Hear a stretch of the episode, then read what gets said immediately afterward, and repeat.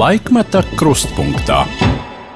Esiet sveicināti! Šis ir raidījums Laikmeta krustpunktā. Latvijas radio mūs var dzirdēt katru sestdienu. Mēs turpinām tikties ar ļaudīm, kur ir daļa no Latvijas laikmeta un ir mūsu valsti veidojuši. Pie mikrofona Arnēs Krause, producents Ilza Aginta.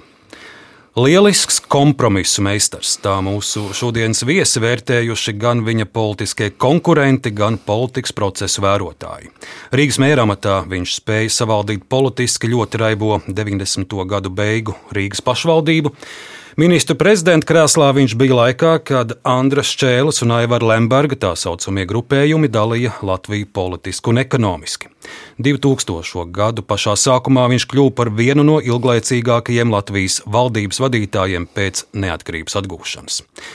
Šai valdībai būs ļoti daudz jādara, lai atgūtu tautas uzticību un atbalstu Latvijas politiskajai varai.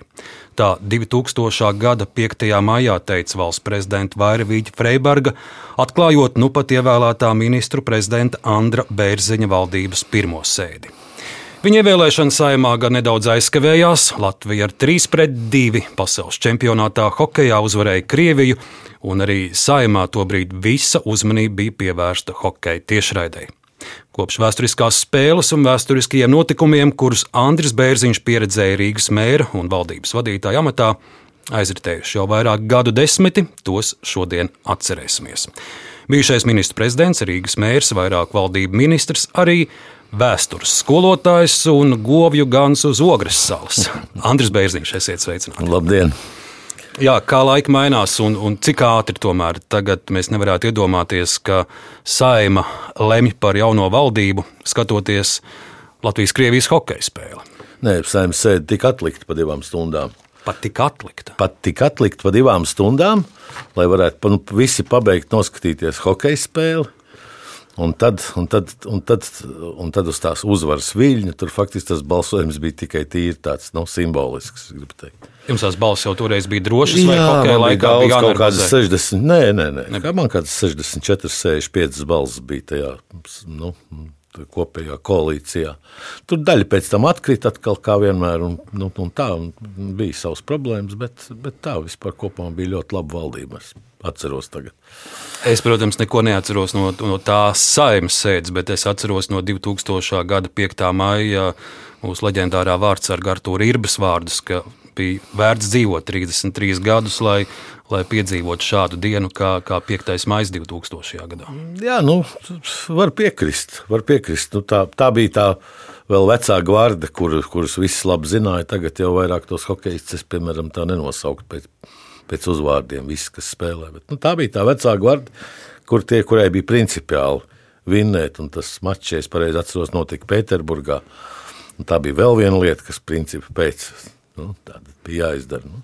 Tā kā viņi to izdarīja maleči. Jūs pats sev arī pieskaitījāt pie Latvijas politikas vecās gvardes. Nu, savā ziņā, jā, protams, protams, protams. Es esmu viens no, Lat no partijas Latvijas ceļa dibinātājiem. Jā. Tātad, nu, nu, es, es biju šai partijā. Es, man nav kauns par to, kas viņā bija. Faktiski no sākuma līdz, līdz beigām. No sākuma līdz beigām, jā.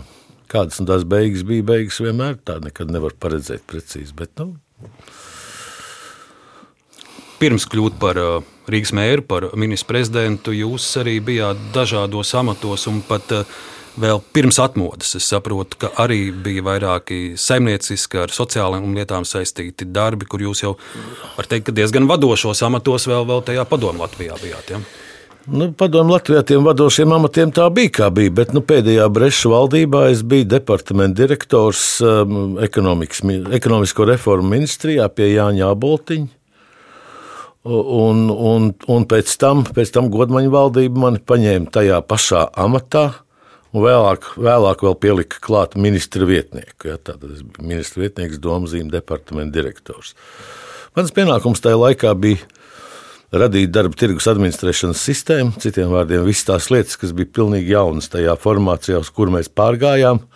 Tas nozīmē visi bezdarbnieki, um, nelaimes gadījumi darbā, darba inspekcijas, nodarbinātības dienesti, bezdarbnieku pārkvalifikācijas sistēmas. Sistēmiski vajadzēja uzlikt to, to sistēmu virsū uh, Latvijai šeit, un es esmu ļoti gandarīts, ka tā sistēma tāda, kā mēs viņu uztaisījām, mēs viņu toreiz taisījām jau pēc Eiropas ģīmju līdzības Tāda kā mēs viņam visiem saviem kolēģiem uztaisījām, tāda viņa arī funkcionē. Nu, kaut kādas tur komatiņas, punktiņas, kāds kaut ko ir pamainījis drusku likumos, bet principā viņi tāda funkcionē. Bet jums faktiski sanāca pie visiem premjeriem strādāt līdz tam brīdim, kad pats kļuvāt par premjeru, pie, pie Godmaņa, pie Gaļa, pie, pie Krasta, pie Šķēles. Uh, jā, nu, tā tas bija. Tur, nu, tur bija atkal otrs, otrs liels jautājums, ko Mārcis Gails man man uzticēja. Tas bija, bija, bija, bija bankrotējis padomu laika pensiju sistēma, vispār visa sociālā nodrošinājuma sistēma. Un, un vajadzēja kādu, kas uzņemtos pusotru gadu pirms vēlēšanām, radīt kaut ko jaunu, piedāvāt kaut kādu jaunu konceptu.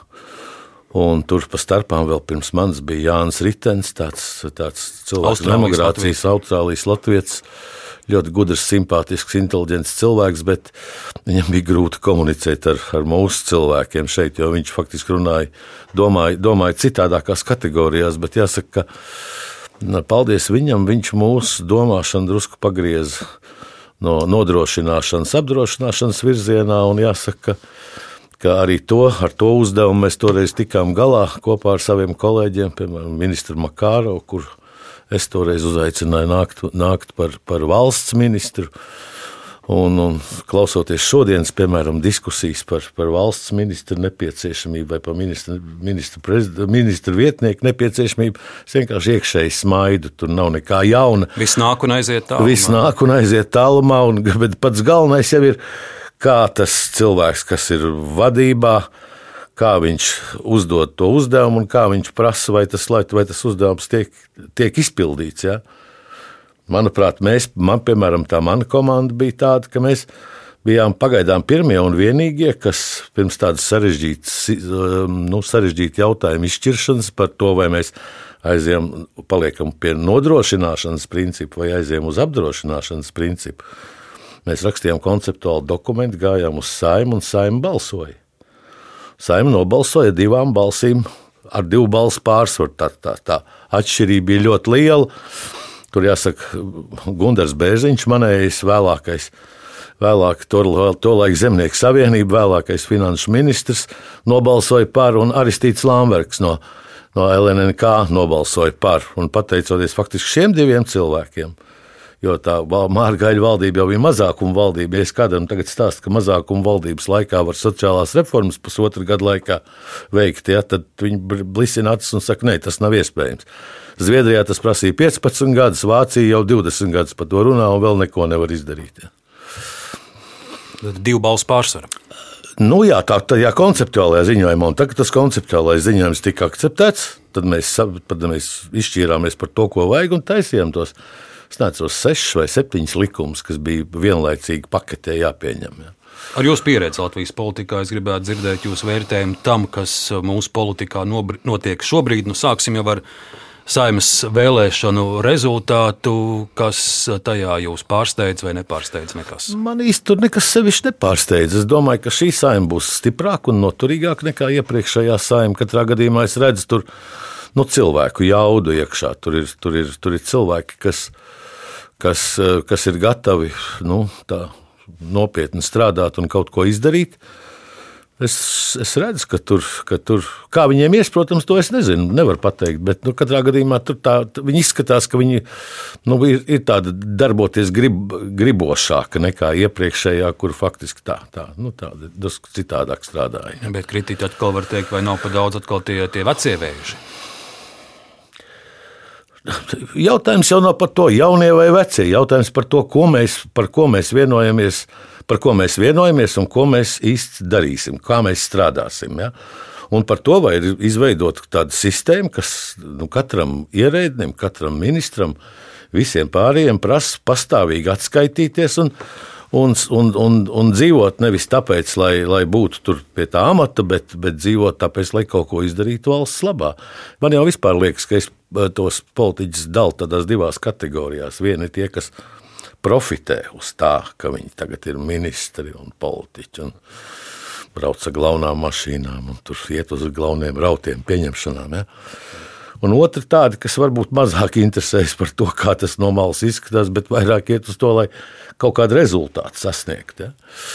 Nu, es, es sev pieskaitu pie tiem otrajiem. Ja? Vienotības panākumi likumsakarīgi. Es domāju, ka likumsakarīgi, jo, jo tajā putrā ļoti daudz cilvēku nu, balsoja par mazāko ļaunumu, iespējamo mazāko ļaunumu. Man liekas, ka vienotība tajā, tajā laikā bija vienīgā, kas uzrādīja tādas stabilitātes, tādas, tādas, tādas, tādas pazīmes. Ja, tā Kā vērtējat Kariņa līdzinējo veikumu? Tur jābūt iekšā, lai vērtētu. Nu, jūs esat bijis tur iekšā. Es esmu bijis tur iekšā, bet es neesmu bijis šī kompānijā tur iekšā. Kā, nu, viņš cenšas cilvēks. Nu, kā viņam iet, nu, to mēs visi redzam. Un kas ir tas, kas neiet viņam? Es nezinu. Es nezinu. Man liekas, ka kaut kas komunikācijā nav īsti tā kā vajag. Varbūt viņam jādomā par savu biroju vadītāju vai, vai kādiem cilvēkiem, kas nodrošina to viņa teiktā precīzu novadīšanu līdz, līdz cilvēkiem, kuriem konkrēts darbs ir jādara, un pēc tam prasīšana atskaitīties un, un izdarīt to noteiktā laikā, tā kā tam būtu jānotiek. Ja. Koalīcija, kas šobrīd top, tā jūsuprāt, ir tā optimālākā, vai varbūt arī progresīvos vajadzēja ņemt klāt? Ir grūti pateikt, būs grūti strādāt ar, ar, ar, ar teiksim, 54 balsīm. Es, es domāju, tā pirms. pirms uh, saimā kāds parakstīs teiksim, komandējuma apliecību, kādam ir jāskatās, lai, lai, lai pie, pie viena koalīcijas deputāta divu, divi opozīcijas deputāti tiktu komandēti līdzi kaut kur, lai, lai vienkārši tas balss proporcija saglabājas. Tas būs sarežģīts stāsts. Nu, šonadēļ jau var redzēt, ka pat svarīgajā juridiskajā komisijā topošai koalīcijai nav vairākumu. Jā, nu tas, nu tā ir tā, tā, ir tā, tā, tā no viena no problēmām, bet no otras puses tas ir labi. Tas opozīcija, opozīcija pieļauj, nu, opozīcijai ļauj būt klāt pie lēmumu pieņemšanas un kaut kādas sadaļas, teiksim, saimā likumdevēja institūcijā vadīt. Ja. Tas, ka tur kāda komisija nobalso ne tā, tas jau vēl neko neizšķir. Jautājumu jau plenāra sēdē jau balso koalīcija. Un tad ir svarīgi, kā koalīcija balsos. Bet, Protams, ka liela izaicinājuma būs arī tas, kā šī koalīcija strādās. Un vai, viņa, vai būs nu, vai ministrs prezidents un, un, un visas viņas institūcijas, kas tur būs, tur parlamentārie sekretāri un biroja vadītāji, vai viņi spēs nodrošināt tik perfektu kontaktu ar koalīcijas frakciju vadītājiem un, un, un pašiem koalīcijas cilvēkiem, lai viņi vienmēr un visos gadījumos balsotu tā, kā koalīcija ir izlēmusi. Jo ļoti bieži ir tādi balsojumi, kas, kas eh, nu, iekšēji valstī ir vajadzīgi, bet ārēji neizskatās pārāk skaisti. Ja. Un tad ir vajadzīga liela politiskā griba un uzņemšanās par viņiem, par šiem jautājumiem nobalsot un, un dabūt balsojumu. Kā... Par saimnes opozīciju vēl um, ilgadējā opozīcijas saskaņā. Urbanovičs, Cilēvičs, tagad viņus ir nomainījuši Rosļikovs, Grivcova. Kā jūs uz šiem ļaudīm skatāties? Es viņus nepazīstu, es nevaru neko par viņiem teikt, bet, bet protams, ka, protams, ka, ka nu, tik ilgi esot opozīcijā, tu pierodi pie opozīcijas lomas, un, tu, un tev vairs negribās nemaz pozīcijā nākt. Ja? Es jau, es jau īstenībā, es, es jau iepriekšējā, pirms, pēc iepriekšējām vēlēšanām tā domāju, Kāpēc tu, Jāni, domājot par Jānu Urbanoviču, kāpēc tu, Jāni, pieņemsim, nemēģini veidot, veidot koalīciju kaut kādu? Vismaz, vismaz nodemonstrē, ka tu to mēģini darīt. Ja? Nu, neiznāk, neiznāk, no nu, ir opozīcija stiprāka. Kāpēc tu nekad neesi to mēģinājis? Nu, nu, tā. Nu, man liekas, ka viņš arī pašlaik pats par to tā pārdomā noteikti. Bet nu, neteiks jau droši vien skaļi. Un viens no nākamās. Uh nākamā gada šīs saimnes svarīgākajiem darbiem būs izraudzīties eh, nākamo valsts prezidenta Gilam Levitam vasarā beidzas termiņš. Jūs eh, Egilu Levitu redzat arī nākamajā termiņā? Es domāju, ka Egils Levits ļoti, ļoti cenšas pašlaik. Viņš, viņš mēģina turēt roku uz pulsa. vai nav daudz, pārāk daudz uz tā pulsa, vai kā, bet tas ir cits jautājums. Bet nu, katrā gadījumā viņš ļoti cenšas. Un, un jāsaka, ka viņš labi izskatās gan starptautiski, gan iekšpolitiski. Nu, bet, tas nav, bet, tas nav, bet tas nav arguments. Ja? Nu, Latvijā jau politikā arī reizēm tā patīk, nepatīk. Ja? Un patīk, nepatīk, tās ir emocionālas lietas. Ja? Jūs jau arī pats kā saimnes deputāts esat bijis klāt pie prezidenta vēlēšanām. Tur Esmu, jau jā. tur dažreiz būtu interesanti tai ķēķī ieskatīties, kā pēdējā brīdī tās balsis saskrien. Nu, jā, vai pēdējā brīdī, vai priekšpēdējā brīdī, vai vēl divus brīžus pirms tam, to tā nevar pateikt. Bet, protams, ka tur kaut kur ir kaut kur, kaut kur visos tajos jautājumos ir kaut kāda loģika apakšā. Un kaut kāda argumentācija, un, un, un, un pie jebkuriem balsojumiem tur var atrast noteikti kaut kādas vienotas, un kopīgas un atšķirīgas viedokļas. Tā ar humoru runājot, es saprotu, ka ir, ir bijusi viena reize, kad jūs arī saņēmāt apsveikumus ar ievēlēšanu valsts prezidenta amatā. Toreiz gan ievēlēja citu Andriu Bērziņu, bet, bet bija ļaudis arī pasaulē, kas bija sapratuši, ka jūs esat augstāk. Jā, jā, vairāk, vai, pat vairākus apsveikumus. Es nemaz nerunāju par to, ka mūsu kaim, lielās kaimiņu valsts kaut kāda. Kaut, kāda, kaut kāds uh, internets, kaut kāda ziņu dienas kaut ko tur bija ielicis. Ir jau vēl, vēl interesantāk, ir pat Amerikas Savienotās valstīs izdots militārais žurnāls. Kur, kur visas tās dalību valsts ir uzskaitītas. Un, un, un tad tur tajā militārajā žurnālā parasti liek premjeru un, un, pre, prezidentu. Ja? Un man mūsu, mūsu aizsardzības ministrijas cilvēki smaidot ar lielu, lielu joku uzdāvināja šo vienu žurnālu kur tas ir viens no pasaules reprezentablākajiem militāriem žurnāliem. Kur jūs esat nokristīts par prezidentu? Kur es ne tikai nokristīts, bet fotografiju ielikt. un apakšā paraksts. Gribi tici, gribi netici. Ja? Vēl es gribu dzirdēt arī jūsu domas par to, kas šobrīd notiek pasaulē. Krievija, karš Ukrainā. Esot Rīgas mēra amatā, jūs pieredzējāt tādu pirmo lielo konfrontāciju Rīgas un Maskavas starpā. Tas bija tas bēdīgi slavenais Krievu pensionāru pikets, mēs par to vēl runāsim. Un, un pēc tā arī Krievija ļoti tās reaģēja. Valdības vadītajā amatā savukārt jūs bijāt tas premjerministrs, kuram bija jāspēr pēdējie izšķirošie soļi, lai mūs uzņemtu NATO. Jūs Rīgā tikāties arī ar Šrēderu, par to mēs vēl plašāk runāsim, bet, um, bet jūs skatāt uz to, kas šobrīd notiek.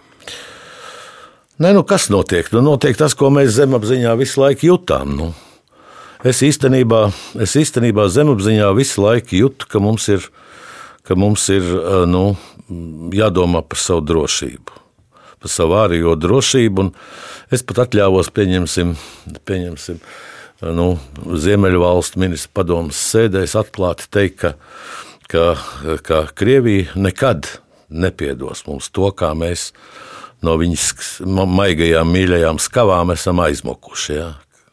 Un tam viss teica, nu, kā tu tā saki, tu pasties, kā viņi tur, tur viss viņi demokrātiski, viņi tur NATO stāsies. Es, es teicu, es nezinu, kur viņi iestāsies beig, beigās, bet, bet to, ka viņi mums nepiedos, to tas ir pilnīgi skaidrs. Viņi mūs uzskata par savu provinci, un, un tā viņi arī pret mums mēģina visu laiku izturēties. Nu, Nu, tas, ka viņš šobrīd ir, ir, ir nelietīgi iegājis Ukrajinā un mēģina Ukrāņus tur slepkavot, ja, nu, tas ir tikai apliecinājums tam, ka es esmu domājis pareizi. Un, un tas, ka mēs savulaik pieņēmām šos lēmumus, un es gribētu teikt, ka tas bija tieši Latvijas ceļš, kas to inicijēja, ka mēs nevaram turēties pie, pie Kārļa Ulmaņa veiktās stratēģijas. Jūs paliekat savā vietā, es palieku savā vietā bet ka mums ir vajadzīga kolektīvā drošība un nekāda neutralitāte. Tāda maza valsts kā Latvija, un teiksim, arī Lietuva un Igaunija neizglābs. Ja? Un, kad pasaules praksa par to liecina, nu, nu, tas ir tas rezultāts tam, kur mēs šobrīd esam. Teikt, ka tas simtprocentīgi izglābs mūs, mūs arī ša, šobrīd, arī nav jau nekādas simtprocentīgas garantijas, bet nu, vismaz tā. Vismaz ir pamats tādai stabilitātei un vismaz tādai apziņai, ka nu, ir jānotiek kaut kam absolūti ārpus visiem, visas saprāta robežām notiekošiem, lai tas tā nebūtu. Tas, ka Ukraiņa šobrīd karo par mums, tas ir tā ļoti precīzi teikts. Protams, protams, protams Ukraiņi, Ukraiņi tieši, tieši, tieši tādi paši kā mēs īstenībā. Ja? Tikai, tikai tas bija slēptāk vai kaut kādā citādākās formās mēģināts izdarīt. Nu. Un tā vēlme, kā Ukrainā mēģināja iespaidot teiksim, Ukraiņas varu un valdību, un kā viņas mēģināja nopirkt, un kā viņas mēģināja tur turēt uz tās gāzes sadatas. Nu, tā, jau, jau, tā bija tā pati politika, kas, bija, kas tika, kas tika nu, realizēta attiecībās ar, ar pārējām Baltijas valstīm, nu, tā izskaitā arī mums. Un tā, un tā lielā neizpratne, tad, kad tev vajadzēja kaut kur tur runāties Krievijā. Viņš saka, pagaidi, nu, kā, nu, kādas problēmas? Nu, nu, kādas problēmas? Mēs taču, mēs taču jums tur tā un mēs jums šitā. Ne? Premjeram amatā sot, kādi jums bija tie kontakti ar Krievijas amatpersonām? Jo es, cik es meklēju, es neatradu, ka jūs būtu ar Putinu ticies personu. Es esmu ar Putinu ticies vairāk kārt. Kāds tas iespējas par viņu? Nu, viņš, viņš ir ļoti, ļoti apņēmīgs cilvēks ar ciešu rokas spiedienu. Tāds pētošs, tas, ko es, esmu, tas, ko es nokonstatēju, bija tas, ka viņš, ka viņš tomēr diezgan nopietni gatavojās eh, sarunām ar, ar kādiem. Es nebiju. Eh, es biju ārlietu komisijas priekšsēdētājs saimā, kad mēs braucām Latvijas-Krievijas robežu līguma sakarā uz Maskavu to parakstīt. Ja? Un es biju iekļauts tajā delegācijā. Tur mums bija pieņemšana pie, pie eh, prezidenta Puķina. Un, un, un Andris Teikmans, tolaik vēstnieks Krievijā, nu, tur tagad stāda priekšā visu to, to diplomātisko līniju, kas tur ir atbraukuši. Un, izdzirdot manu uzvārdu, viņš, viņš teiksim, tā noimprovizēja. Viņš teica, ah, bet vai, vai Jānis Karlovičs nav jūsu radinieks? Nu, ar to domādams, ar to, ja es pareizi atceros, Jānis Karlovičs, var, varbūt tas ir tēvvārds citādāks ar to atcerēdamies vecākais Bērziņš, kurš faktiski bija gulaga nometņu. Gulaga nometņi, tur tas, mm. tas eh, nu, dibinātājs un izveidotājs, ja, sākotnējā versijā, kas nebūtu nebija tāda, par kādu viņas pārvērtās pēc tam. Ja. Un par ko tālvaldes Margevičs, man liekas, ir grāmatu uzrakstījis, pat, kurš arī tepat no Rīgas, no, no, no Šķērsielas nāk tas cilvēks. Uh, Nu, nu tā, tad es pie sevis tā nokonstatēju, ka tad, tad tu esi kaut ko skatījies, kaut ko domājis līdzi. Nu, tad nav jau tā, ka tu tur tā. Tu, tu. Tas nozīmē, ka cilvēks nopietni gatavojās. Nu, kā tur viņam pašlaik iet, un kurš tur viņam ir blakām, un kurš kaut ko saka priekšā, to es jums nevaru pateikt. Cik viņš ilgi vēl noturēsies? Kas to lai zina? Tas ir atkarīgs arī no tā, no tā, kāda tā situācija būs viņa valstī. Tā ir pār, tas kuģis ir pārāk liels lai to kuģi varētu atļauties vadīt nu, tā, pilnīgi autoritāri. Manuprāt, tā, es tā domāju, ja viena sastāvdaļa zemeslodes. Ja, un, kad tu lido kādreiz teiksim, uz kaut kādu Japānu vai kaut kur jālido pāri tiem bezgalīgiem plašumiem, stundām ilgi, kur ir tikai balta zeme. Un neviena, neviena, neviena skursteņa un, un, un nevienas gaismiņas, ja, tad liekas, ah, oh, ah, oh, Nu, tad taču tā varētu strādāt un tā varētu dzīvot. Nevien kā, kā politiķis savulaik, bet arī kā, kā vēsturnieks. Uh, ar tādu atskatu, arī palūkojoties uz Krievijas vēsturi, vai jūs redzat, ka, ka šī valsts var mainīties un cilvēki tajā var mainīties? Nu, viņam jau nekas cits neatliks. Nu, es domāju, ka šobrīd pasaule ir pietiekoši mobilizēta un pietiekoši stipra, lai viņi skaidri norādītu, ka, draudziņ, nu, ja tu gribi dzīvot kopā ģimenē vai, vai, vai vai nu, es, es atļaušos tādu vulgāru salīdzinājumu komunālajā dzīvoklī, ko sauc par pasauli. Ja? Nu, tad kaut kādā pieturies pie kaut kādiem nosacījumiem, pie kaut kādas kārtības, par kuru mēs visi kopā esam vienojušies. Nu. Un, ja tu to nedarīsi, nu, tad, tad, tad, tad tā situācija droši vien tev nebūs vienkārša. Nu, tā, Dažādi tiek vērtēti arī tie ļaudis, kas no Krievijas, protams, katrs savu iemeslu dēļ bēg projām, kurš negrib būt iesaukts. Daudz aizmukuši arī ir nu, mākslas cilvēki. Tagad arī bija nu pat liels diskusijas pēc spēļu nakts, vai aktrisei Čulpanai Hamatovai pienācās gada aktrises balva. Kā jūs uz tiem ļaudīm raugaties, kur meklē patvērumu arī pie mums? Nē, nu, protams, ir, ir, ir, um, ir argumenti, lai meklētu patvērumu, bet nu, no otras puses, atkal beigt pašam no savas valsts situācijā, ka tu, tu tev iespējams vajadzētu pamosties tādai pilsoņu apziņai, kaut ko darīt savā valstī un darīt tā, lai tas tā nebūtu. Nu, nu, viss, viss daudz maz daudz maz zināmie un, un publiski zināmie, ja visi aizmuks, nu, tad būs, kur, kuri tad būs tie, kuri, kuri tajā valstī, teiksim, nu, to veidos, va, vadīs. Pugačovai ar Galkinu vajadzēja palikt Maskavā. Nu, Pugačovai Pugačova jau, ir, jau, ir, jau, ir, jau ir pensijā, viņai droši, viņa droši vien varētu atpūsties. Bet viņa savu pozīciju pateikusi pietiekoši skaidri. Ja? Tā ir viņas pozīcija, un es domāju, ka viena daļa Krievijas iedzīvojošo šo pozīciju respektē. Lai arī varbūt nerunā par to skaļi. Tik tālu par šobrīd aktuālo, bet Berzinkungs, protams, es vēlēšos dzirdēt arī jūsu atmiņas, jūsu pārdomas par pieredzēto gan Rīgas mēramatā, gan valdības vadītāja krēslā. Turpmāk skanēs vairāk arhīvu fragmenti. Es atzīšos, pat es redzu, ka es dažos notikumos esmu kā žurnālists bijis klāt, bet tie jau ir pagaisuši no atmiņas. Tad nu, atsauksim tos atmiņā, un es sākšu ar 97. gada 25. martu. Šajā dienā notiek jaunievēlētās Rīgas domas sēde, un uz mērā matu tiek izvirzīti trīs kandidāti. Jānis Gulbis no sociāldemokrātiem, Andris Ārgalis no Tēvzemēm brīvībai LNK un Andris Bērziņš no Latvijas ceļa. Un sēdes laikā katram ir dots 5 minūtes savas programmas izklāstam. Pirmajā balsojumā neviens netiek ievēlēts, uz otro kārtu nonāk Andris Bērziņš un arī Jānis Gulbis no sociāldemokrātiem. Tagad noklausīsimies mazu fragment, dzirdēsim Tatjanu Ždanoku, Jāni Karpoviču, Juri Bojāru mm. Māru Purgēlu, bijušo mēru. Tātad fragments no domes sēdes, un arī būs uzreiz jūsu pats pirmais komentārs jau pēc ievēlēšanas. No tiem trijiem, kas bija izvirzīti, mums nav, nebija pieņemams, protams, radikāli nacionāļu kandidāts. Tas ir Ārgaļa kungs. Tagad viņš ir ārā. Un viss ir at, ļoti interesanti, kā uzvedīsies arī Tēzemes un Brīvības un LNK frakcija. Es domāju, ka iznākums ir normāls. Ja mēs runājam par Bērziņu, viņš ir daudzpusīgs cilvēks, inteliģents. Un uh, nesēju karstu putru, cik es viņu zinu. Nav par ko priecāties, bet no otras puses situācija ievirzās tā, kā mums izdevīgāk ir uh, septītās saimnes vēlēšanām. Andris Bērziņš ir cilvēks ar plašu redzesloku un domājams, ka viņš ātri uzkrās pieredzi, kas viņam pašlaik trūkst Rīgas darbā. Pirmais darbs ir tagad tūlīt, nevis domāt par svinēšanu, bet tūlīt kopā ar, ar, ar, ar frakcijām sēsties pie galda un sākt strādāt, lai, lai uh, uz rītdienas tātad ārkārtas sēdi mēs varētu jau nākt klajā ar ļoti konkrēti, precīzi sazīmētu struktūru. Ar, ar um, izmaiņ, nepieciešamajām izmaiņām Rīgas domas nolikumā, un ar, un ar priekšlikumiem, kādām būtu jāizskatās komitejām. Nu, lūk, 25 gadi jau pagājuši kopš uh, jā, ievēlēšanas mērām. Tā kā to ievēlēšanas dienu atceraties? Atceros, te Henriks ir.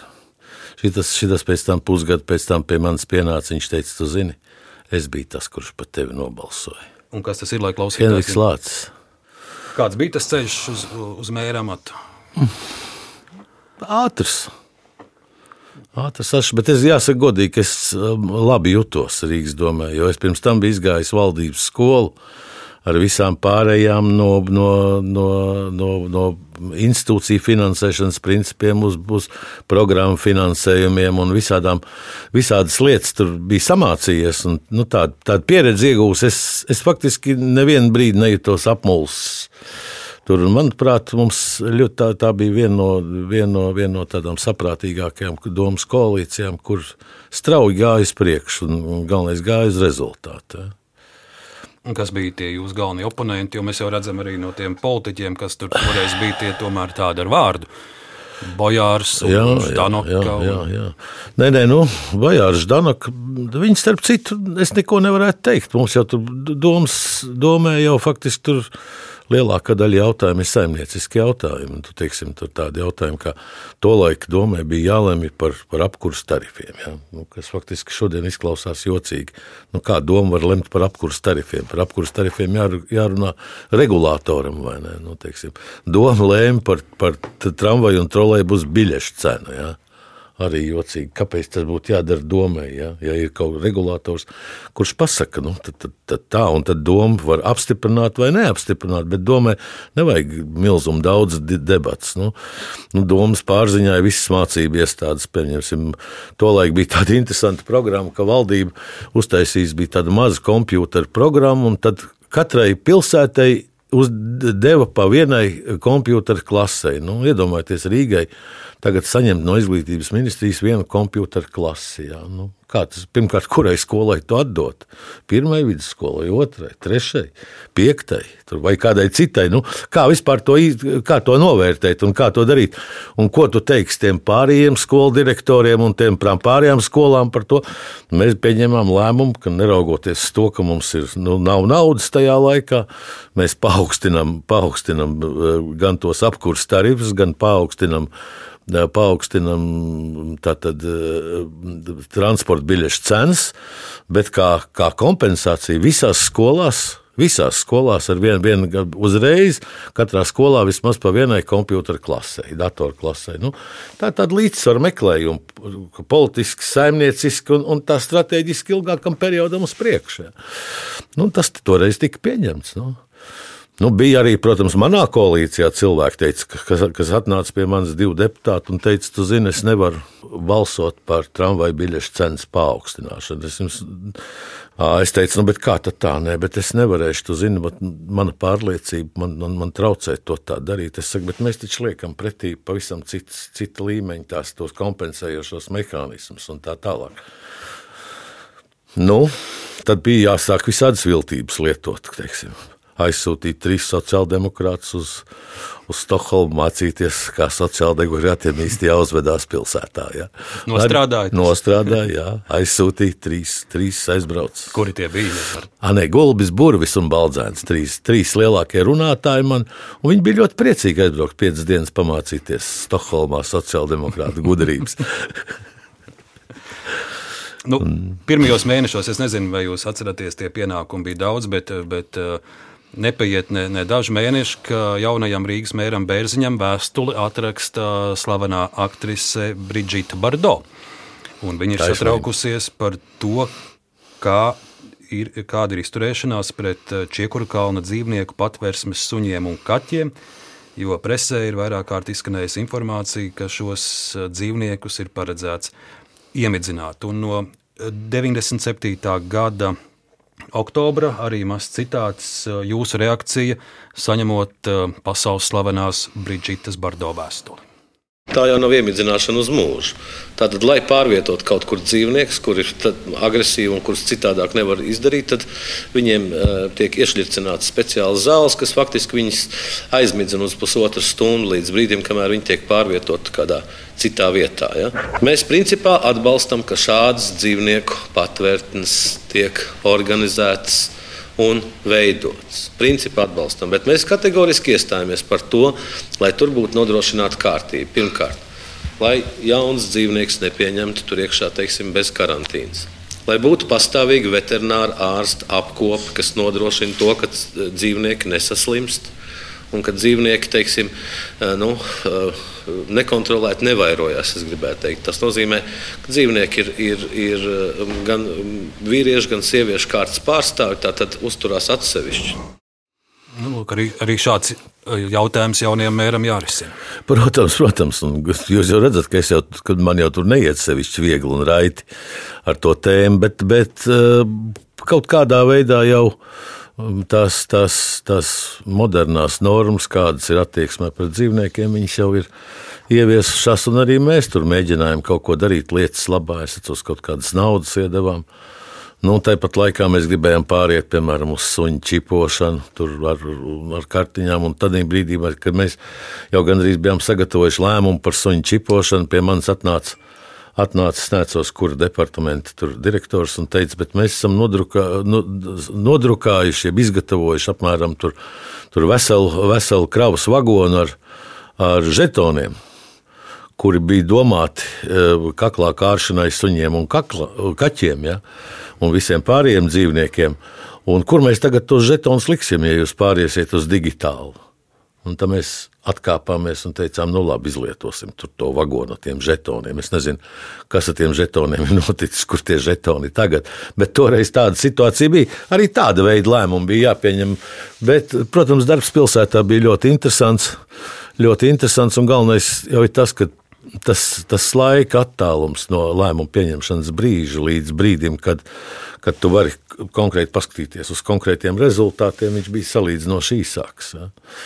Un tas bija tas, kas, tas bija tas, kas, kas nu, man patika ļoti šajā darbā. Jums esot Rīgas domas priekšsēdētāja amatā, notiek arī pirmā attiecību sāsināšanās starp Latviju un Krieviju 90. 8. gada 3. marts. Pie Rīgas domas eh, tiek rīkots nesankcionēts pikets, piedalās aptuveni 2000 cilvēku. Tās video liecības mm, saglabājuši kadrus, kur eh, notiek tāda kā grūstīšanās, policija mēģina izkliedēt piketētājus. Eh, es šogad šajā raidījumā runāju arī ar bijušo valsts policijas priekšnieku Rekšņu. Viņš arī nedaudz pastāstīja par šo piketu, ka pēc tam viņi mēģināja atrast uh, tos policijas darbiniekus, kurus Krievijas televīzija rādīja kā tos lielākos kā, pensionāru apspiedējus, un, un viņi savā rindās šādus policistus nevarēja atrast. Nu, diezgan daudzi jautājumi neatbildēti, kas šis bija, kas to rīkoja, kādēļ viss tas tā izvērtās, kādēļ jau dažas dienas pirms šī piketa no Maskavas sabrauca uh, Krievijas televīzijas komandas. Arī arhīvu fragments uh, šeit mēs dzirdēsim uh, tā laika Rīgas domas deputātus Imants Burvis, arī Tatjana Ždanoka, dzirdēsim žurnālistu Andriu Jakubānu, kurš pēc tam televīzijā asi kritizēja tos, kas uz šo piketu aicināja. Un būs arī jūsu komentārs par šo piketu 98. gada 10. marta arhīvu ieraksti. Sociāldemokrāti vispār neuzskata par nepieciešamu šodien tautu aicināt uz ielām. Situācija vienkārši tik tālu novesta, ka tauta uz ielas iznāk pati, un sociāldemokrāti vienmēr atbalstīs, ka tautai ir šīs tiesības. Es domāju, ka te ir teiksim, imanta burbuļu loma, kas teica, ejiet uz ielas un kaut ko dariet. Ja, kāpēc viņi neviens neuzskata, ka krīt arī vēl šiem krievu žurnālistiem virsū? Jo tas patiesībā, kā viens domas deputāts, sociāldemokrāts, var aicināt uz, ne, uz nekārtībām. Man ir grūti atbildēt par Jakubāņa kunga informāciju, jo varbūt viņam ir nepareiza informācija, varbūt viņš jau no vecuma neuztver pareizi informāciju, bet tā ir viņa personīgā lieta. Tad balsojiet par sociāldemokrātiem un viss ir kārtībā. Viņa pieteikusi līdztiesība un, un sociālistiskā partija. Mums nav, nav tiesības uh, šo gājienu aizliegt, un mēs arī to netaisamies darīt. Mēs vienkārši izdarīsim tā, lai šis gājiens un visa šī gāja pasākuma noris maksimāli maz traucētu sabiedrisko transportu pilsētā un neparalizētu satiksmi. Mēs, opozīcija, gan sociāldemokrāti, gan mēs tagad runājam par to, ka mm, vajadzētu rīkot masu gājienu, protestējot pēc visu veidu tarifu palielināšanu tieši šīs mēnešos. Nu, lūk, te mēs dažos citātos dzirdam, vēl tie ir komentāri pirms paša piketa. Arī, arī jūs teiktais vēl pirms 3. marta notikumiem. Jā, Kā jūs nu, tagad tos atceraties? Jā, nu, kas, šodien, tas bija? Šo, nu, tas bija briesmīgs notikums īstenībā. Ja? Bet ar, ar laika, ar laika, tagad ar laika attakti paskatoties uz šiem jautājumiem, protams, kad ir redzams, ka tie bija speciāli sagatavots pasākums. Panorāma Latvijas žurnālisti, es esmu piemirsis jau viņas uzvārdu. Harlāmova. Harlāmova, jā, jā. Harlāmovas kundze bija tā, kur formāli bija tā, kas bija pieteikusi šo, šo, šo, šo piketu. Nu, tas, ka viņš pārauga tādās, tādās, tādās nekārtībās, droši vien nebija labi. Un, un tas, ka, tas, ka, bet tas, ka teiksim, nu, Valdemāra iela tika aizķērsot un faktiski sabiedriskais transports un tā skaitā ātrās palīdzības nevarēja izbraukt, izbraukt jo viņas nevarēja nobraukt no tilta, nebija pa kurien aizbraukt. Kaut kur tur, kur var iespējams cilvēki gāja bojā un kur cilvēkiem bija vajadzīga palīdzība, tas arī ir fakts. Nu, protams, ka šī situācija viņa, viņa sāsināja tās attiecības, kādas bija gan Rīgas, teiksim, Maskavas starpā, kur bija sadraudzības līgums, kur sadarbības līgums, tā, kur, kur bija kaut kāda sadarbība, ja? gan arī visu kopumā, nacionālā līmenī politika. Vēl par pašvaldības ikdienas darbu. Tie, protams, jūsu laikā bija Rīgas ielas un, un asfaltēšana, un bedres, un pagājuši 25 gadi nekas nav mainījies. Ne, nu, Aktualitātes mainījies, mainījies jau ir. Jā, mainījies jau ir un, Bet tas, ka tas ir tas priekšplānā, tas darbs, ko vienmēr cilvēki redz. Tas vienmēr ir tas redzamais, redzamais darbs, kurš ir jādara un kurš maksā ļoti dārgi. Un, Un par, par izmaksām. Jā. 99. gada februāris. uh, Valsts kontrole ir veikusi revīziju par to, kā Rīga uztur savus ielas, iekšvartālus, remontu, būvniecību, un valsts kontrole secina, ka vairāk pasūtījumu ir noslēgti bez konkursa un izsoles, un atzīst arī par nepareizu domas politiku ielu un ceļu uzturēšanā. Uh, Tur ir vairāk piemēri, ka uh, konkursi ir, ir rīkoti bez izsoles, un valsts kontrole uzskata, ka tas nav bijis izdevīgi. Arī palūkosimies, kāds ir jūsu komentārs par šiem valsts kontrolas secinājumiem. Sadalot šo te, šos te resursus sīkākās daļās un izsolot ielas pa kaut kādiem gabaliņiem, mums pilsētai jāliek iekšā līdzekļi, jāpērk šī te smagā tehnika, kuru privātie nepirks. Ja? Un, un jādomā par to, jeb, jeb jādala šī esošā tehnika, kas atkal nodrošinās to, ka nebūs iespējams operatīvi reaģēt. Tad tā ir ļoti tāda pretrunīga lieta, bet pie tās pašlaik tiek strādāts. Nu, te ir vairāk stāsts par uh, ielu uzturēšanu ziemā. jā, jā, jā. Un redziet, atkal viss nāk un aiziet tālumā. Tagad ir Rīgas doma, kur atkal visu centralizē. Tāda valsts kontrole saka, ka vajag vairāk tā kā sadalīt to visu, lai nav viss vienās rokās. Nu, jā. īstenībā, īstenībā mēs jau pēc tam atradām risinājumu šai problēmai. Un, un mēs solījām ilgtermiņa, ilgtermiņa ielu uzturēšanas pakalpojumu. Tad, kad kompānija paņem viņu uz pieciem gadiem, pieņemsim, uzturēšanu, tad viņa arī, viņai arī rodas motivācija gan investēt visur tur, gan, gan, gan uzturēt. Eh, Nu, kā tur iet ar to uzturēšanu, tas tā, bet es gribētu teikt, ka šajā konkrētā situācijā mēs bijām saņēmuši tādu tādus um, nu, bagāžu no, no iepriekšējām domām, jo tur bija uh, tās daudzās nama pārvaldes. Katrai nama pārvaldei bija savs traktors un savs uzturētājs, un katra nama pārvalde brauc un kaut ko tīrīja. Īstas kā kārtības un skaidrības šajā tīrīšanā nebija. Īstas koordinācijas visu to institūciju starpā, kam bija jātīra, nebija. un Tāpēc bija nepieciešama kaut kāda jaunāka pieeja. Nu, šobrīd man izskatās, ka Rīgas pilsēta tiek kopta labāk nekā tas bija manā laikā. Manā laikā bija tas briesmīgākais, kas atceros, 26. septembris. Es to tā kā tādu murgu atceros, ka 26. septembrī naktī uzsniga kaut kāda 12 metru sniegs, koki vēl bija centimetri. Centimetrs sniegs, jā. Koki vēl bija lapām, koki lūza, koki krita, krita virsū uz mašīnām. Pilsētā pilnīgs hauss. Neviens vēl nav gatavs tai, tai, tai, sniega novākšanas sezonai. Traktoriem vēl lāpsts nav uzlikts un tā tālāk. Nu, tas bija viens piecas briesmīgas dienas, jāsaka. Kamēr. Bet nu, kaut kā atrisinājām un kaut kā kopā, kopā mēs uz priekšu. Es nezinu, vai kā murgu, bet jūs noteikti atceraties vēl vienu epizodi no sava laika Rīgas mēra amatā. Ļoti liela preses uzmanība bija pievērsta tā laika pašvaldības policijas priekšniekam Mārtiņam Andersonam. Gan tādēļ, ka atklājās, ka viņam uh, nav izglītība, kas būtu atbilstoša šim amatam, gan, protams, ļoti plaši tika rakstīts par Rīgas pašvaldības policijas iegādāto ekskluzīvo automašīnu Lincoln Navigatoru. Un tad pienāk diena, kad uh, Rīgas mērs uh, lemj pašvaldības policiju no amata atbrīvot. Uh, Par šo visu arī es vēlēšos dzirdēt, kas ir tas, ko jūs šodien atceraties, bet, lai to atgādinātu, arī mazs fragments. Bet es gribu vienīgi pateikt to, ka es esmu lūdzis vienlaikus ar dokumentu par, ar dokumentu par Andersona atbrīvošanu no amata, sagatavot grozījumus domas nolikumā par pašvaldību policiju, kur ā, pašvaldības policijas priekšniekam tiks noteikts, ka viņam jābūt ar augstāko izglītību. Es domāju, tā latiņa vienkārši ir jāpaceļ augstāk, un, un tas būtu tikai normāli, ja, ja ja teiksim, tik salīdzinoši liela struktūra vienības cilvēkam būtu obligāti prasība, lai būtu augstākā izglītība.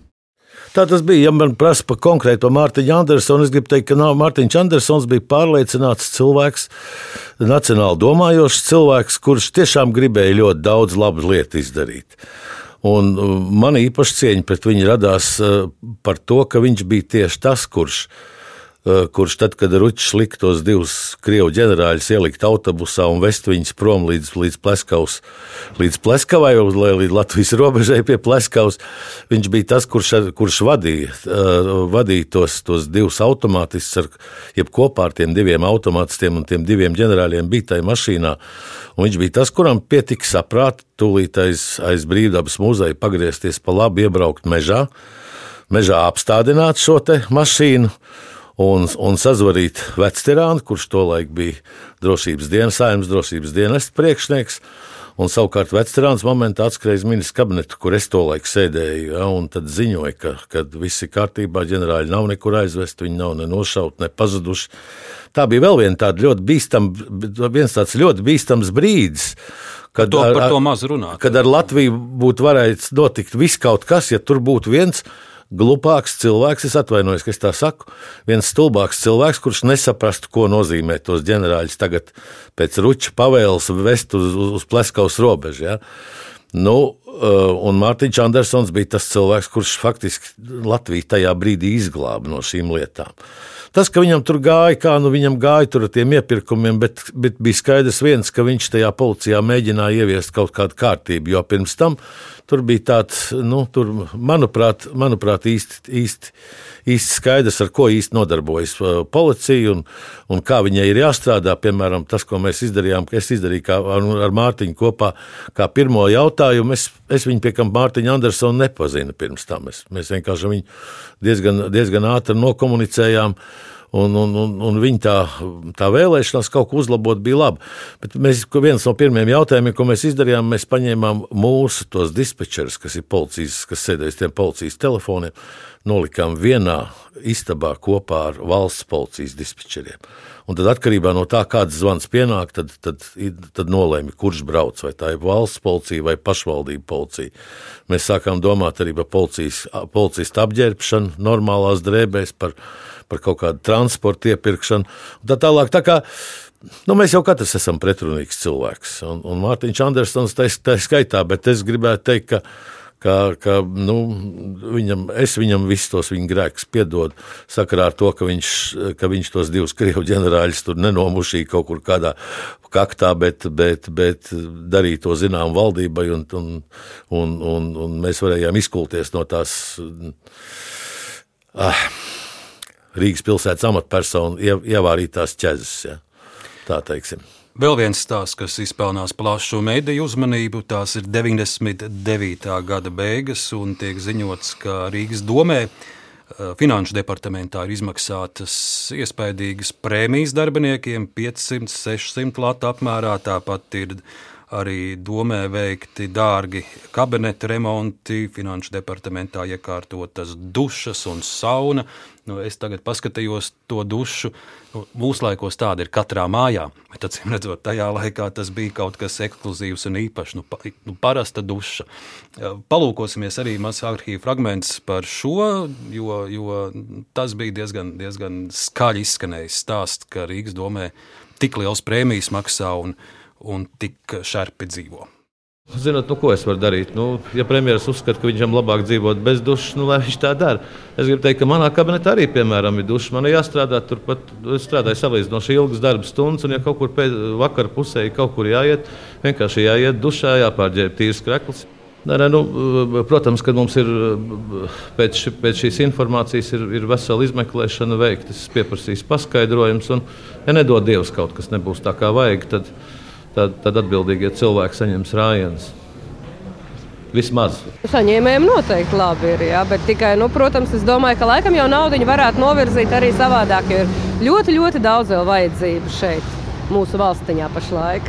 Nauda atrodas tad, kad ir prēmijas jāsaņem, bet tad, kad jās, jāsavelk uz ielām strīpas normāli, lai varētu braukt, lai varētu tumsā redzēt. Diemžēl tad stāsta, cik tas ir viss ļoti dārgi un neizdevīgi. Ja, un Un man liekas, ka tur būtu daudz racionālāk izlietot šos līdzekļus. Nu, tādi ir cilvēku viedokļi uz Rīgas ielās, bet arī var saprast, ka premjerministrs šķēla to laiku, jūs kritizē par šādu dušu lietu un prēmiju. Viņš bija atnācis pie manas ciemos, un, un man tur starp divām biezas sienas, un tur starp divām, sien, divām durvīm Nu, tāds burtiski tāds 60 reizes 60, ko tāds apmēram tāds, tāds telpa 60 cm reizes 60 cm. Un tur tik ielikt tādu mazu dušiņu, ja, tādu, kur var nu, burtiski noskaloties, ka tev vakarā kaut kur jāiet. Un jāiet bija gandrīz katru vakaru kaut kur. Ja. Nu, jā, un tad viņš bija tas, kurš, kurš nu, kaut kāda, es nezinu, es pat neesmu viņam jautājis, kāda apsvēruma pēc viņš viņš par šo tēmu sāka runāt. Kas attiecas uz, uz prēmijām, tad, tad tik tiešām Finanšu departamentā nu, tika maksātas prēmijas, bet viņas tika maksātas apzināti, jo tur bija noteikti. Nu, Tas finansiālais stāvoklis bija pilnīgi citādāks. Rīgas pilsētas budžets ir pieaudzis apmēram 11 reizes. Es tā skatos, salīdzinot ar tiem laikiem, kad mums bija. Mums, piemēram, nebija vispār naudas, ko likt investīcijās mēs taisījām tā saucamo investīciju indikatīvo sarakstu. Un tad uz apgrozāmo līdzekļu rēķinu faktiski pārkāpjot. Faktiski pārkāpjot uh, likumus, jau uz apgrozāmo līdzekļu rēķinu taisījām teiksim, ekstra remontus pilsētas ielās un tā tālāk. Mēģinām izdzīvot ar to pašu mazo naudu, viņi vienkārši prasmīgi periodiski sadalot. Ja. Nu, un, un tur, ja, ja izdevās, izdevās sakārtot un izpildīt budžetu un iekasēt naudu, tad, protams, gada beigās šiem cilvēkiem tika maksāts, jo tas, tas viņa darbs, iekasē, budžeta iekasēšana un, un naudas iekasēšana un naudas piedzīšana no, no, no, no pilsētniekiem, ja, nu, tas ir suņa darbs un, un par to ir jāsamaksā. Un, un ja, ta, ja to nedara, tad, tad, tad, tad, tad pilsētā lietas priekš neiet. Ja. Bet nav jau tikai tā, ka ir uh, skandāli un kreņķi. Mums jāpiemina arī patīkami brīži, lai tā aina būtu objektīva. Un es domāju, tāds viens no sirsnīgākajiem, kas jums gan ir palicis prātā no, no strādāšanas mēra amatā, ir došanās uz Japānu pie mūsu Rīgas zoo zilonītes Zuzes. Un jūs viņai vedat arī dāvanu no Rīgas, tad no nu ar fragments 98. gada 9. decembris. Un pat cik Zuzīte ļoti patika spēlēties tādu klucīti, tādu, nu, klucīti to tādu, tādu malkas pagals gabalu, tā viņi varētu nosaukt. Ja? Viņi tā viņi paņēma tā snuķī, tad noliek vienā vietā, staigā un spēlējās. Dod viņai kaut ko ēst, viņi ieliek viņu starp kājām, iespiež pēdu, paņem atkal klucīti, iet kaut kur tālāk. Tad mēs domājam, ka tas klucītis, kas viņai tik, tur tika iedots savu laiku līdzi, un pēc tam es vēl vienu aizvedu tādu tas būs jau nodilis, ja, mēs vienkārši esam ielicis savā ceļa somā pie suvenīriem klāt vienu tādu kārtīgu pagals gabalu, kur mēģināšu tagad aizvest. To ir sagatavojuši mūsu zooloģiskā dārza cilvēki. Tur ir ar lodām iededzinājuši iekšā zuzītei no, no Rīgas. Ja. Un sūtījums tika nogādāts. Ja? Sūtījums tika nogādāts, un piekam Zuzīte bija ļoti priecīga. Viņai tiešām tāds mazs, jau tāds tievs sprungulīts, kur viņa bija notrinusi. Viņa tiešām viņa, viņa spēlējās, acīm redzot, no kopš bērnības bija iemācījusies, ieliek starp priekškājām. Bet es gribu teikt, ka viņai vispār iet labi. Viņai bija atrasts draugs arī viņas vecuma tāds puisis, boys. Un tad viņai bija uztaisīta um, izcila, izcila laba, laba tā, tā stāvvieta, nesalīdzināma ar to, kāda bija Rīgā, ar kondicionētu gaisu, kontrolētu un tādu nu, plašu, kur viņi varēja pastaigāties. Un tā viņa tajā brīdī, kad mēs tur bijām, viņa savu draugu bija sākusi jau draudzēties, un mm. pēc tam es dabūju zināt, ka ka viņai eh, divi zilonēni piedzimuši. Tā kā tur viņai ģimenes dzīve viss ir kārtībā, un pareizi droši vien bija, ka to zuzīti aizvedām uz, uz, uz, uz Kobi, uz draudz, sadraudzības pilsētu. Nu, kaut gan no otras puses, atkal vienīgais zilonis, kas Latvijā ir piedzimis, jā, aizvests projām, jā, eksportēts uz Japānu. Ne? Tā kā Rīgas ziloņa stāsts turpinās tagad Japānā. Jā, jā mēs sakam Japānai, ka kas, kur ir Rīga, tā ir pilsēta, kas eksportē ziloņus. Nu, lūk, bet te mēs nonākam pie jūsu laika valdības vadītāja amatā. Tas ir 2000. gadu sākums. Andris Čēlis valdība lēnām tuvojas savam galam. Kā tās kārtas saliekās tā, ka, ka valsts prezidente nonāk pie lēmuma, ka viņa virzīja uz šim amatam? Nu, īstenībā jau mm, tas, kas man, tie, kas man virzīja šim amatam, tā bija Latvijas partijas Latvijas ceļa valde. Viņi bija tie, kas, kas, kas pieņēma šo lēmumu. es kratījos no šī lēmuma vaļā, ja tā drīkst izteikties žargonā. Ja. Un atgādiniet, kas tur notika ar Čēles valdību, kāpēc viņa juka? Es neatceros īsti, kas tur bija. Kaut kāda problēmas, kaut kādas problēmas tur bija, bet, bet, bet nu, un, un, un acīm redzot, tā, tā lielākā, tas lielākais jautājums bija, kad vajadzēja atrast, nu, cilvēku, cilvēku acīm redzot, par kuru, par kuru nu, saimnes deputāti būtu gatavi nobalsot. Nu. Un es jau toreiz nebiju saimnes deputāts, es biju, es biju Rīgas, doma, Rīgas pilsētas vadītājs. Un, un man izcēla no šī labā darba ārā un, un aizsūtīja nu, trimdā uz valdību. Ja. Ja sākumā es biju, biju, biju ļoti skeptisks par savu līdzdalību vispār pašvaldību vēlēšanās, jo es nekad nebiju viņa tādā, tādās piedalījies. Un tad, tad, tad aizejot prom, es atkal, es atkal tiešām patiesi nožēloju to, ka man bija jāiet projām. Nu, jūs arī to laiku tajās aptaujās esat viens no valstī populārākajiem politiķiem. Jā, nu, arī ministra prezidenta laikā jau nebija, nemaz nebija slikti, ja skatās uz aptaujām. Ja skatās uz aptaujām, tad mēs, tad vis, mēs visu laiku bijām kaut kur tur, tur jā, augšgalā. Bet vēl nokļūsim līdz premjeramatām. Tātad um, Latvijas ceļš nominēja divus cilvēkus. Jūs un arī Aiju Poču, un jūs abi 2000. gada 25. aprīlī dodaties uz Rīgas pili, tiekaties ar Vairvīģu Freibergu. Un tad prezidents iznāk pie žurnālistiem un paziņo savu lēmumu. Vēl arī, jau, vēl, vēl jau Inārs Repš arī tur devās. Vai ar Vīķu Freibergu runāja ar vairāk cilvēkiem? Man liekas, ka bez manis un bez počas viņi vēl runāja ar Reināru Repšu un runāja ar Ingrīdu Udri. Bet nu, šis ir par Latvijas ceļu virzieniem. Nu, jā, nu, jā, nu, jā. Un tad dzirdēsim, ko prezidenta Freiberga beigās nolēma. Prezidents man vaicāja, kāda ir mūsu pozīcija attiecībā uz, uz um, tiesībām pensionāriem strādāt. Es teicu, ka pilnīgi viennozīmīgi, ka šis lēmums nebija tas pareizākais iepriekšējās valdības lēmums un ka Šai konkrētā gadījumā ir jārunā ar visiem koalīcijas partneriem un jāmēģina šī problēma pārskatīt. Protams, protams tas ir saistīts ar to, ka, ka šobrīd teiksim, koalī, visi koalīcijas partneri vēl nav izteikuši savu viedokli šajā jautājumā. Jāsaka, ka viņa ar izpratni uztvēra jau man iepriekš izteikto. Uh, nu, es uh, šobrīd nejūtos tik spēcīgi, lai es uzņemtos šos valdības veidošanu. Jāsaka, ka prezidentam ļoti interesē jautājums, vai viens no iemesliem, kāpēc varbūt šobrīd ir nominēts Bezinkungs, nav bijis tas, ka es esmu sieviete un es ar pilnu uh, saku, atbildības sajūtu varēju teikt, ka tiešām tas nav šis iemesls. Dāmas un kungi, pamatojoties uz Latvijas satversmes 56. pantu, man ir tas gods uzticēt Latvijas valdības veidošanu Andrim Bērziņam. Ļoti svarīgi būtu, lai vismaz ideāli šī veidojamā valdība plānotu darboties līdz pat nākamajām vēlēšanām.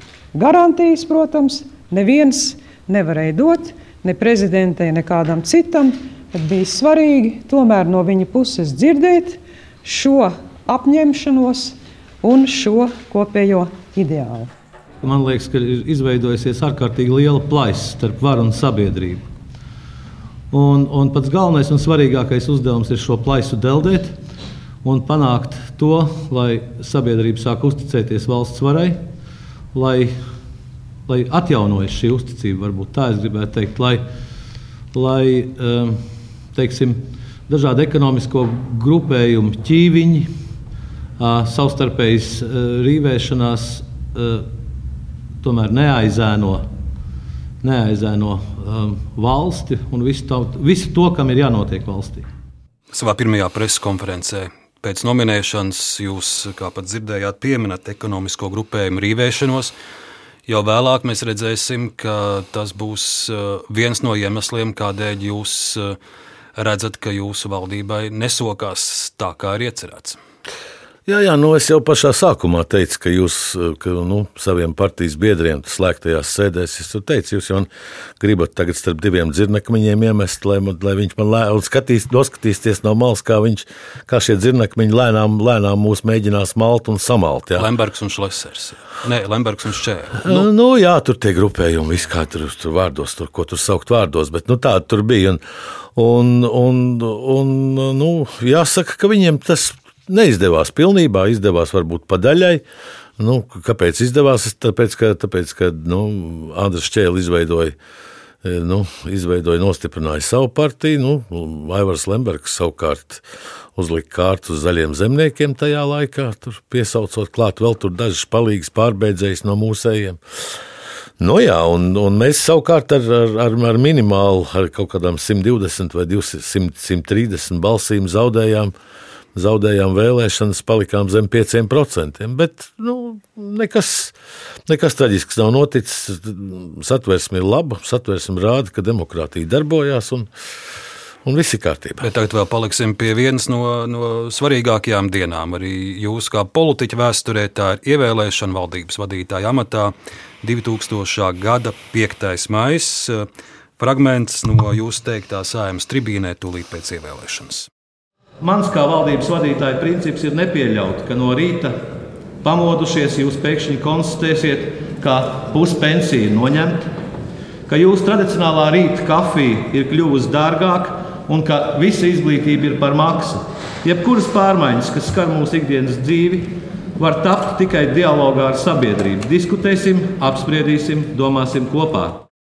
Jebkuras pārmaiņas diskutēsim ar sabiedrību. Nu, jā, nu tas bija tas, kā mēs mēģinājām strādāt. Nu, vai mums pilnībā izdevās vai nē? Nu, acīm redzot, nevar teikt, ka izdevās, ja pat cik mūsu nākošais vēlēšanās neievēlēja. Zīmīgi, ka tajā pašā ievēlēšanas dienā tēvzemieši, kur par jums balsoja, rīko savu domas sēdi, un tajā izskan kritika. Premjeram Bērziņam diez vai izdosies samierināt abus ekonomiskos grupējumus.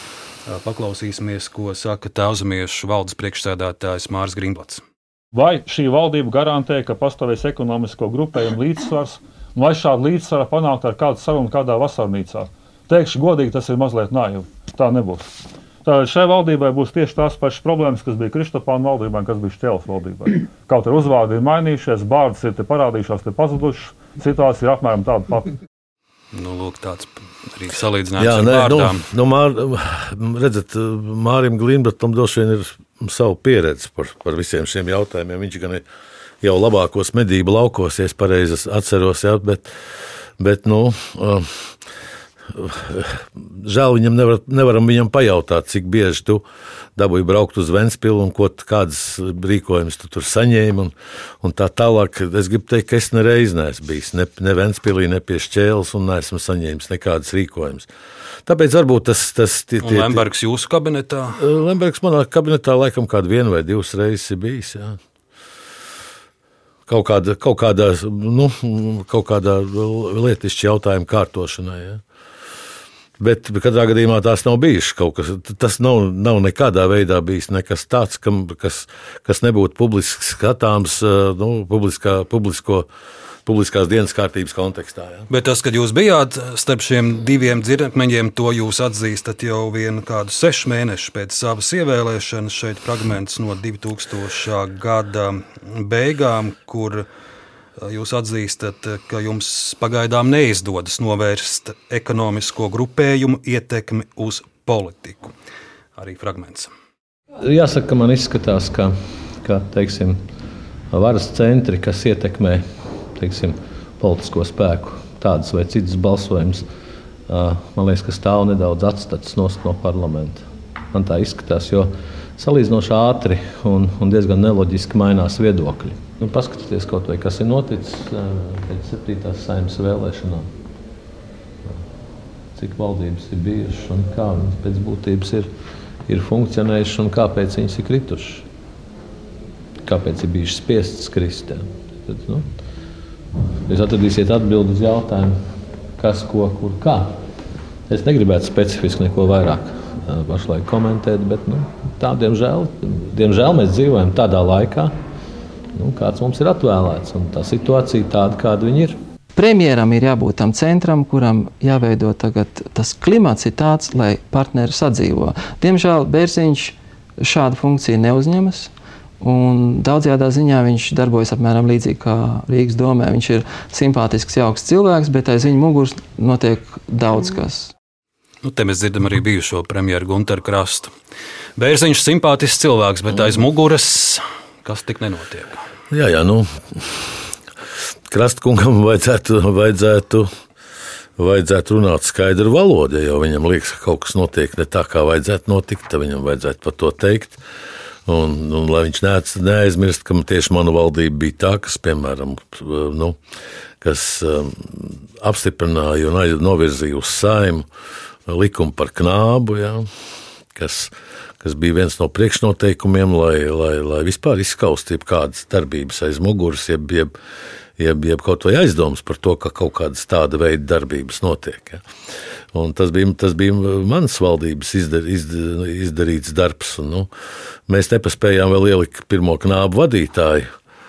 Ja, tur tur Repškungs pavingrinājās šajos, šajā, šajā uzdevumā, ja, tur pietiekoši ilgi, bet, bet, bet kopumā es gribētu, es gribētu teikt, ka nu, Krastkungam jau Viņam bija sava pieredze, un, un, un viņš par šo savu pieredzi, diemžēl, viņš ir vairākas grāmatas uzrakstījis, bet, diemžēl, par šo, šo savu pieredzi viņš nav rakstījis neko.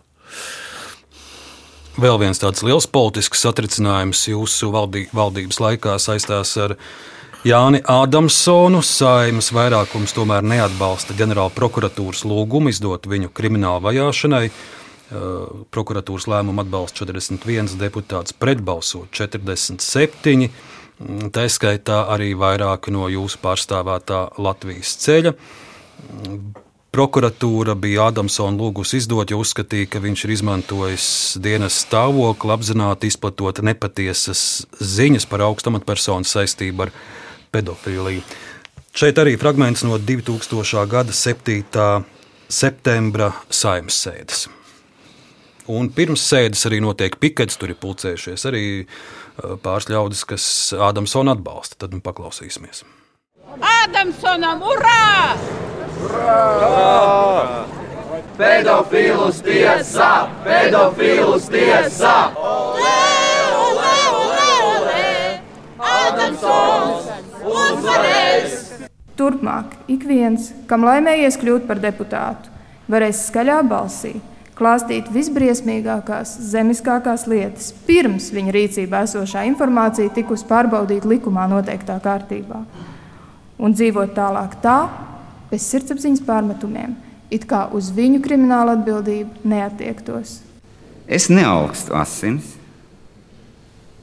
es augstu taisnības. Kas jūs esat, Jānis Ādamsons? Man gribētos teikt, ka viņš ir godīgs bet kopš viņa ierašanās Latvijā meli un fantāzijas ir pavadījušas viņu visu laiku. Prokuratūras priekšlikuma noraidīšana pēc savas būtības būs nopietna pļauka Latvijas valstī un tās starptautiskajam prestižam. Un vēl es gribētu teikt Jānim Ādamsonam, saņemt drosmi, nākt šeit tribīnē un aicināt saimu balsot par jūsu izdošanu kriminālu vajāšanai un tādējādi tiesā pierādīt un apliecināt, ka jums ir taisnība.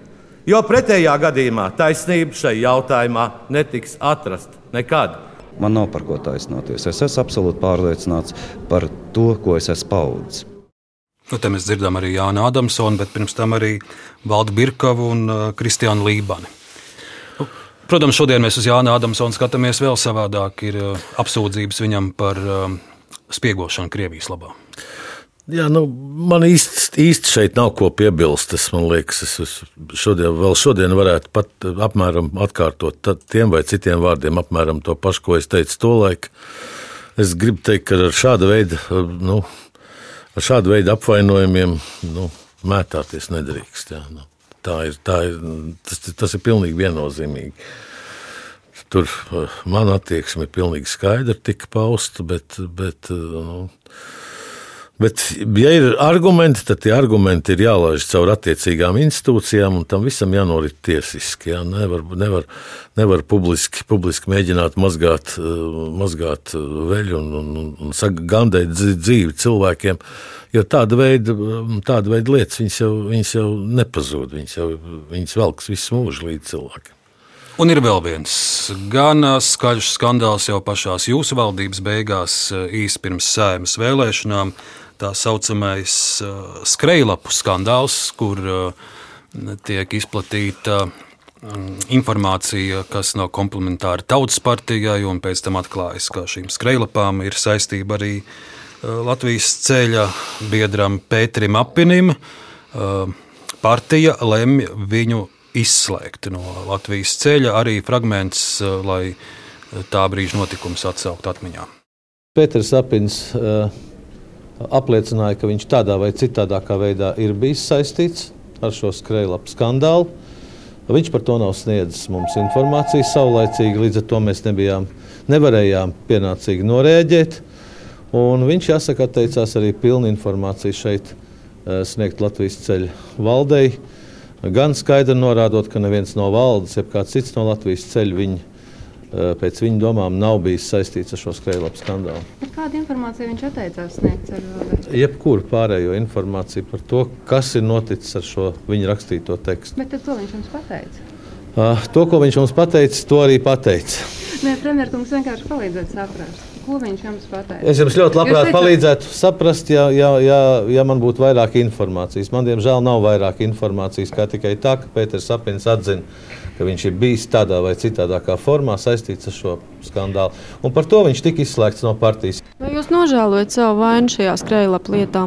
Uh, skrejlapu lietā manā rīcībā, mana rīcība ir zināmas informācijas esamība, kuras esmu paudis tikai tiesību sargājošiem orgāniem, kuriem es arī esmu apsolījies tālāk viņu nepaust. Bet vai jūs varat saviem vēlētājiem, kas par jums balsoja šajā saimā, pateikt, vai jūs bijāt tas, kurš šīs skrejlapas pasūtīja, izgatavoja vai kā citādi sekmēja viņu izgatavošanu? Es neesmu viņas teiksim, pasūtījis, izplatījis un tam līdzīgi. Tātad, pirmkārt, viņas nav. Jā, Man ir zināma saistība, kur nav tāda, kā jūs tikko nodiktējāt. Galvenā saistība ir tā, ka es diezgan daudz zināju par viņu. Nu, tas ir fragments, bet, bet uh, šobrīd šis skandāls jau ir ar putekļu kārtu, bet tolaik tas bija, tas bija ļoti skaļi noskanējis. Tas bija tieši vēlēšana laiks un faktiski arī Latvijas ceļa beigu sākums vai jau beigu beigas. Jā, jā, nu. Nu, man atliek tikai piekrist jums, tikai. bet gribu teikt, ka, ka faktiski nu, tā attinot, attinot um, to lenti atpakaļ, uh, faktiski izrādījās jau, ka pie šī skandāla, eh, pie šī jautājuma jau strādāja valsts policija kādas 3-4 nedēļas pirms tam. Viņi speciāli gaidīja brīdi, nu, nevis, nevis nobremzēja šīs, šī, šī, šī procesa attīstību, jau, bet viņiem bija kaut kāda informācija jau par to, un, un speciāli sagaidīja to brīdi, kad, kad, kad nu, tās tās, tās lapiņas kaut kur tiek atvestas, un tas tika iztaisīts par lielu pasākumu. Es domāju, tas savā veidā bija priekšvēlēšana pasākums mūsu konkurentu partijai. Ja? Tautas partijai. Ja. Nu, tā varētu teikt. Toreiz iekšlietu ministrs bija Segliņš. Ja? Segliņš bija, bija iekšlietu ministrs. Jā. Nu, viņš, viņš pie kam nu, turēdams savās rokās tādu veidu informāciju par par, par it kā noziedzīgu nodarījumu. Teiksim, man kā viens prezidents nebija, ne, ne, nebija informējis. Parasti jau tādas, nu, tādas nu, nu, politiskas, ja politiski jūtīgas lietas tiek, tiek savstarpēji atrunātas arī, arī, arī ministra kabinetā. Jā. Ja tāda nepieciešamība ir, viņš to nebija darījis. Nu, nu tā, jā, nu, bet, bet dzīve tāda bija. Nu, tā ir tiesa dzīve tāda ir bijusi, bet jūsu dzīvē nav tikai politika un tikai augsti amati. Andris Bērziņš līdz 90. ir arī, eh, piemēram, vēstures skolotājs, arī direktora vietnieks. Periodikā es dažas eh, publikācijas par jums atradu. Viena no pirmajām, kur, kur jūs esat pieminēts, ir 79. gada decembris, laikraksts Padomju, padomju ceļš, kas, kas iznāca Ogrē. Jā, ogrē tāds, jā. Un te ir raksts ar nosaukumu Ar parauga spēku. Attālā redzamos cilvēkus sastapām rajona komjaunas komitejā pirms konferences dienās, kad notika spraiga gatavošanās šim atbildīgajam notikumam. Palūdzu viņiem, komjaunatnes atbildīgiem darbiniekiem, izteikt savas domas par jautājumiem, kas šodien komjaunatnes dzīvē ir vissvarīgākie. Un te ir dažādi biedri, vai, vai, vai šis ir jaunais komjaunietis Andris Bērziņš ar tiem gariem matiem. Droši vien, jā. Lūk, 79. gadā Andris Bērziņš saka, ka vissimpātiskākais mūsdienu komjauniešiem ir dzīvesprieks, nesamierinātība ar paveikto, zināt, kā arī gribas novēlēt vēl radošāku skatījumu, dziļāku politisku izpratni ne tikai par savu rajonu, bet visas republikas un planētas dzīvi. Nu, jā, nu, nu, pietiekoši. pietiekoši. Es, es zinu, ka man vispārināti, es zinu, ka mani tur toreiz um, ievēlēja kaut kādā revi, komjaunietes revīzijas komisijā, ne tāpēc, ka es tur būtu ļoti aktīvs komjaunietis, bet vienkārši tāpēc, ka es uh, biju vēl komjaun, komjauniešu vecumā un, un, un, un lielā skolā. Uh, bija direktora vietnieks mācību audzināšanas darbā. Nu, tad, tad vienādi sakot, viņi mēģināja tādā veidā atrast pielietojumu. Man pielietojumu, bet nu, ne, nu tas direktora vietnieka amats bija arī tas iemesls, kādēļ jūs mudinājāt stāties komunistiskajā partijā. Nevis mudināja, bet tas bija nu, nosacījums, lai tu vispār varētu tur ies, lai tu varētu šādā amatā ies, sākt strādāt. Man vienkārši skaidri un gaiši pateica, bet tev ir jāstājās komunistiskajā partijā. Es aizgāju, aprunājos ar tēvu, māmu. Viņa teica, nu tāds laiks. Nu. Nav jau svarīgi, vai, kur tu stājies, svarīgi, ko tu dari un kā tu, kā tu izturies pret cilvēkiem. Tā bija tiesa. Tā, tā, es, tā es sabiju tur līdz, līdz kaut kādam 89. Vai. Tika pētīta arī jūsu biogrāfija, vai, piemēram, tēvs nav bijis Protams, tas bija, galvenais, tas bija galvenais jautājums. Tas bija galvenais jautājums, kurā gadā tēvs dzimis. Ja? Nu, skaidrs zinot, ka 26. 26. gads bija pēdējais, ko vācieši ko, ko, ko paņēma leģionā. Jā. Man, man tēvs ir 27. gadā dzimis. Man prasa, ko tēvs darīja 27. gadā. Es saku, nu, kaut kur laukos strādāja. Nu, to var arī nezināt. Tēvs par to sevišķi nestāstīja, bet īstenībā tā situācija bija bijusi tāda, ka tēvs, būdams 27. gadā dzimšais, viņu formāli neiesauc leģionā. Visi viņa klases biedri un draugi gandrīz aizgāja leģionā. Viņš kopā ar vēl diviem tādiem pašiem, kam dzimšanas dienas janvārī bija. Ja? 27. gada janvārī viņa aizgāja izpalīgos. Un uh, tur kaut, kur, kaut kādas liela balasts, tur desāja kaut kādas ieročus, kaut ko pa kurzem, un tad no, Jelga, no Liepājas tika aizsūtīts uz Vāciju, un Vācijā viņš nonāca Franču okupācijas zonā, un no Franču okupācijas zonas pārgājis padomju okupācijas zonu. Pats personīgi, tāpēc, ka viņš zināja, ka tēvs un māte būs mājās, jā, jābrauc pie tēva un mammas. Nu. Nu, tad viņi ielika Brestā filtrācijas nometnē pus pusgadu. Pēc pusgada teica, variet mājās, tev nekas nav.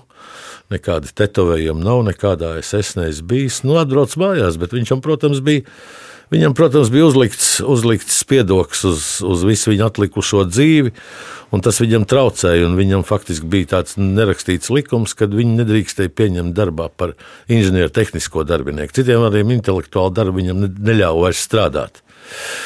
Un viņš tur izmēģināja, bet visur viņam gāja kā, kā pa celmiem. Līdz beidzot viņš atrada darbu ogles tipogrāfijā, kur viņš strādāja par korektoru, par korektoru nodaļas vadītāju. Un, un tieši tāpēc visas filoloģiskās grāmatas, filoloģisko literatūru galvenokārt iespiedu ogrē.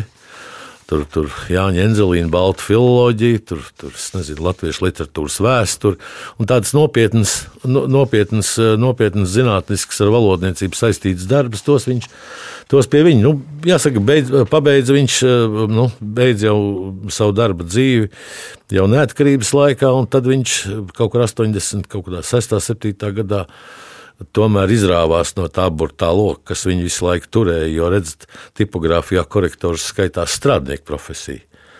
Un nevis inženiertehnisks, nevis, nevis inteliģents cilvēks.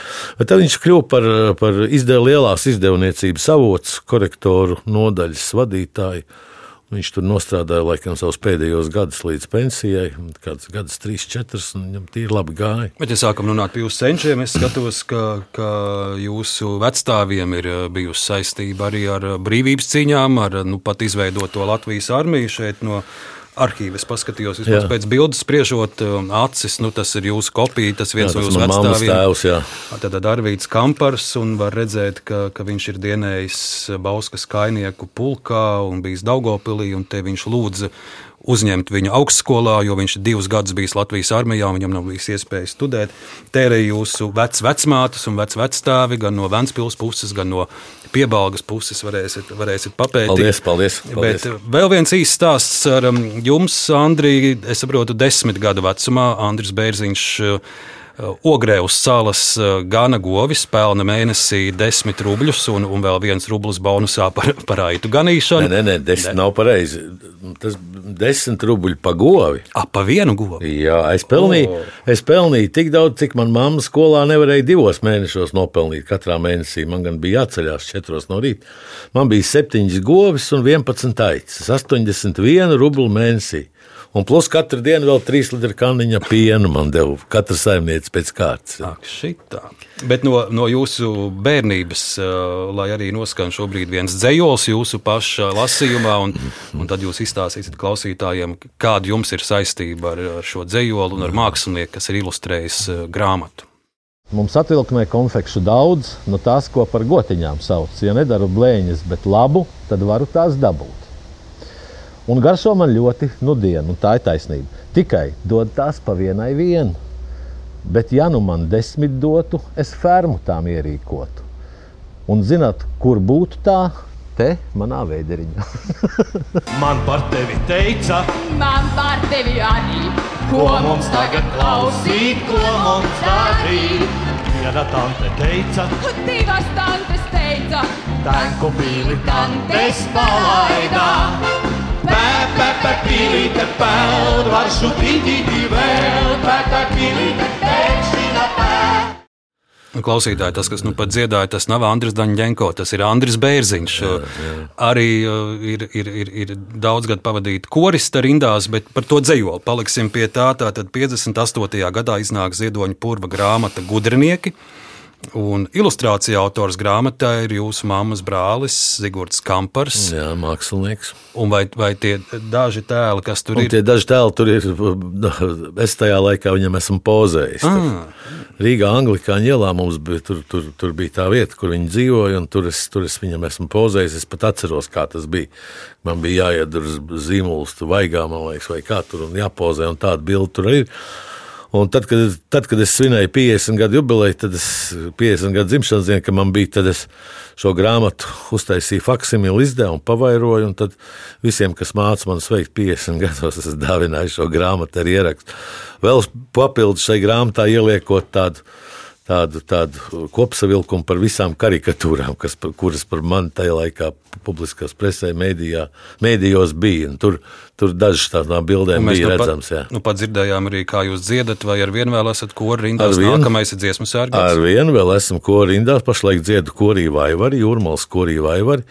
Ļoti labs koris un, un Un šie pēc būtības būs mani 50, 50 gadi dziesmu. Jo faktiski pirmie dziesmu svētki, uz kuriem es biju, pēc armijas atnācis, tad tie, tad tie bija uh, sim, uh, dziesmu svētki, simtgadus dziesmu svētki. Ja? Un tagad mums būs 150 dziesmu svētki, 150 gadus dziesmu svētki. Un es viņos piedalīšos. Ja? Tā saka Andris Bērziņš, bijušais Latvijas valdības vadītājs, arī Rīgas mērs. Andri, liels paldies par atmiņām, ar kurām jūs šodien dalījāties. Paldies! Raidījuma autors Arnēs Krauss, producents Ilze Aginta par skaņu rūpējās Reinis Budze. Turpiniet klausīties Latvijas radio.